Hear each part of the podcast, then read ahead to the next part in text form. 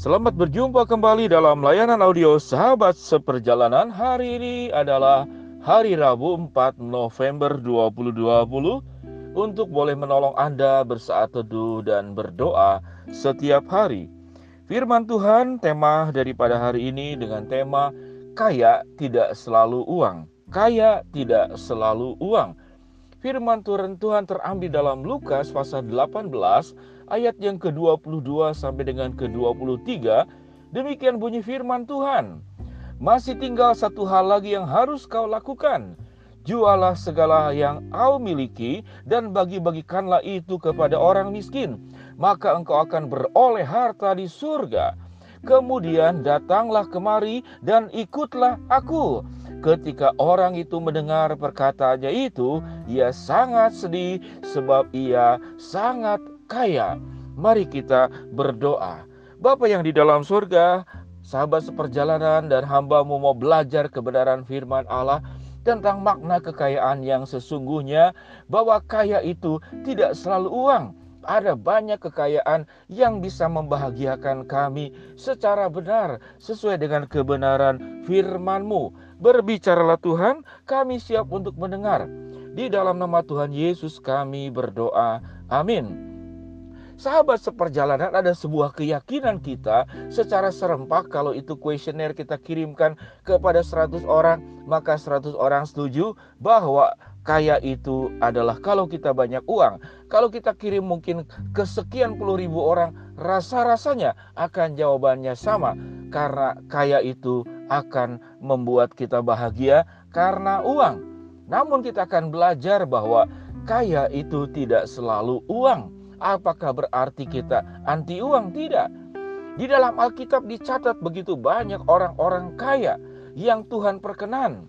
Ada banyak catatan orang kaya yang bisa menyikapi kekayaan dengan benar, ada juga yang tidak bisa menyikapi kekayaan dengan benar. Ada 10 orang kaya yang dicatat di dalam Alkitab. Yang pertama Salomo, yang kedua Ahas Weras. Bahkan Ahas Weras, Weras itu memamerkan kekayaannya dalam kitab Esther dikatakan sampai 180 hari memamerkan kekayaannya itu baru selesai.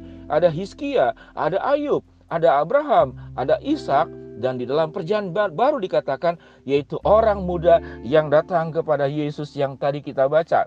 Tatkala dia mau mengikut Yesus dikatakan bagaimana supaya aku dapat hidup yang kekal. Aku tidak berzina, aku tidak membunuh, aku tidak mencuri, aku tidak bersaksi dusta, aku juga menghormati orang tua. Semua itu sudah kulakukan sejak masa mudaku. Namun Tuhan berkata, Engkau jualah segala yang kau miliki dan bagi-bagikanlah itu kepada orang miskin. Barulah kemudian engkau akan beroleh, beroleh harta di sorga. Sahabat seperjalanan yang dikasihi Tuhan, berjuang kaya itu adalah sesuatu bagian yang sangat penting. Karena dengan kita kaya akan memudahkan finansial kehidupan kita dan kita tidak menjadi beban dan tanggung jawab orang lain. Dengan kaya pun kita bisa banyak menolong orang lain. Namun kekayaan jika dikelola dengan baik berdasarkan terang kebenaran firman Allah, maka kita akan benar hidupnya itu di dalam Tuhan. Namun kekayaan itu tidak selalu uang. Ada orang yang kaya di dalam aspek pendidikan, Anda punya pengetahuan yang luar biasa. Ada orang juga yang kaya di dalam relasi, dia punya teman yang banyak. Itu pun kekayaan. Ada yang kaya secara karakter, dia punya karakter yang baik. Kehidupannya itu punya teladan dan memberkati. Itu juga adalah kekayaan. Tak kala Anda punya anak, punya rumah tangga, yang memang ekonomi biasa-biasa saja, namun hidup dengan rukun, itu juga adalah kekayaan. Tatkala Anda bisa sehat, itu juga adalah kekayaan. Jadi artinya, kaya itu tidak selalu uang. Mari kita belajar dari seorang yang salah satu orang yang terkaya di dunia, yang kedua saat sekarang yaitu Bill Gates. Bill Gates itu penemu Microsoft. Kekayaannya itu adalah 127 miliar dolar 127 miliar dolar. Waktu ditanya di wawancara kepada Bill Gates, apa yang menurut uh, Bill Gates itu bahagia? Dia katakan, memang kaya itu dengan kaya itu memberikan kebahagiaan.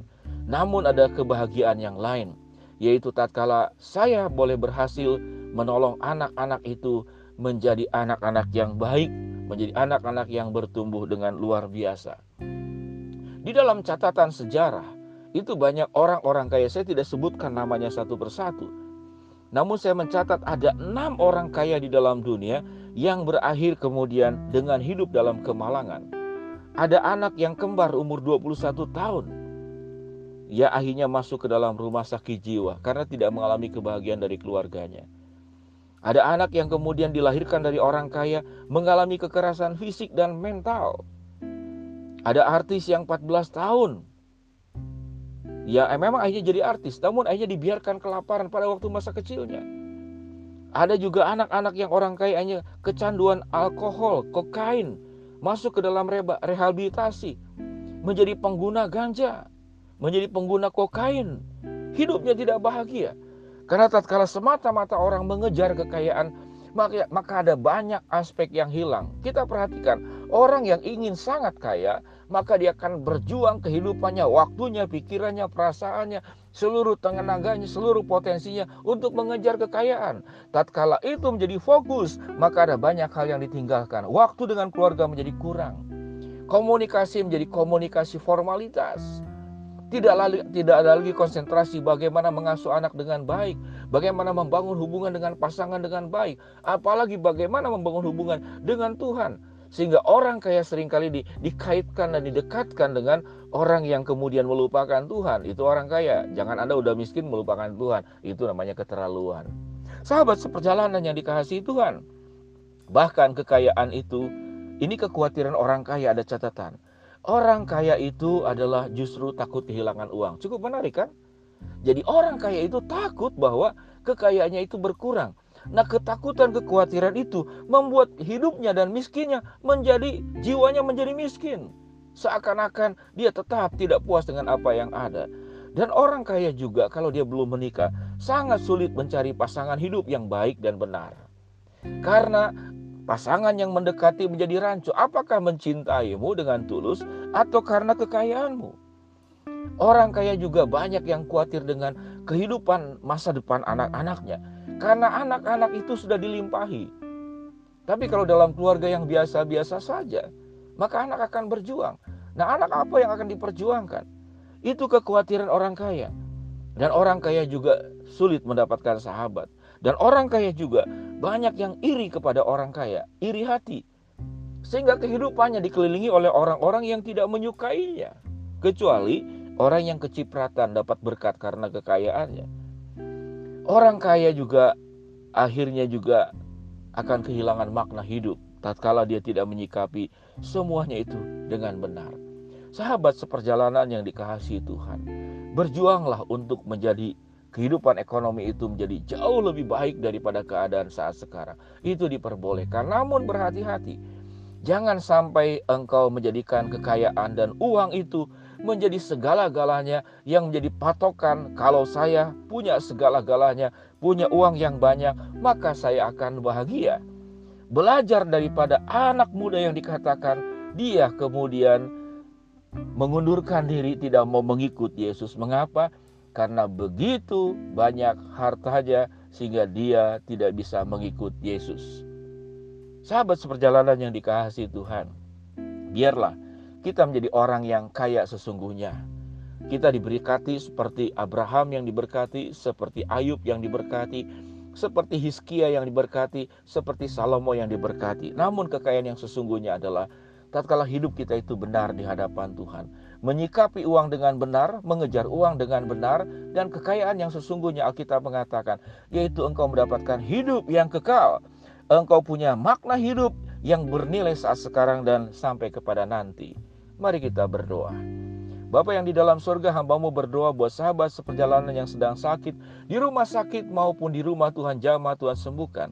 Sahabat seperjalanan yang sedang menghadapi kendala kesulitan dan problema dalam kehidupan, Tuhan bukakan jalan. Sahabat seperjalanan yang sedang berdoa mengharapkan sesuatu, Tuhan akan penuhi dengan waktu, rencana, dan caramu. Kami serahkan ya Tuhan sahabat seperjalanan seluruhnya, agar kami tatkala mencari kekayaan, kami boleh menyikapi kekayaan itu dengan benar. Jangan seperti anak muda yang kaya, ingin kekayaan, namun dia meninggalkan Tuhan. Di dalam nama Tuhan Yesus kami berdoa. Amin.